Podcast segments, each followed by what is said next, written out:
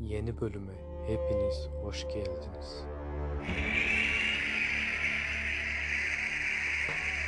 Bugünkü konumuz musallat. Aile bireyleri hastalıktan muzdarip olmuşken ben de geceleri uyuyamaz olmuştum. Çünkü bir takım karanlık varlıklar gelip beni rahatsız ediyorlardı. Öyle olmuştu ki sabahları yüzüm gözüm şişmiş bir şekilde yataktan kalkıyordum. Annem ve babam benim bu durumuma çok üzülüyorlardı. Bana neyin var evlat deseler de bir şey diyemiyordum. Çünkü suçlu bendim ve suçumun cezasını çekiyordum. Günler günleri kovalıyordum. O büyü yaptırdığım kişiler gibi ben de eriyordum. Hem de onlardan daha beter bir şekilde.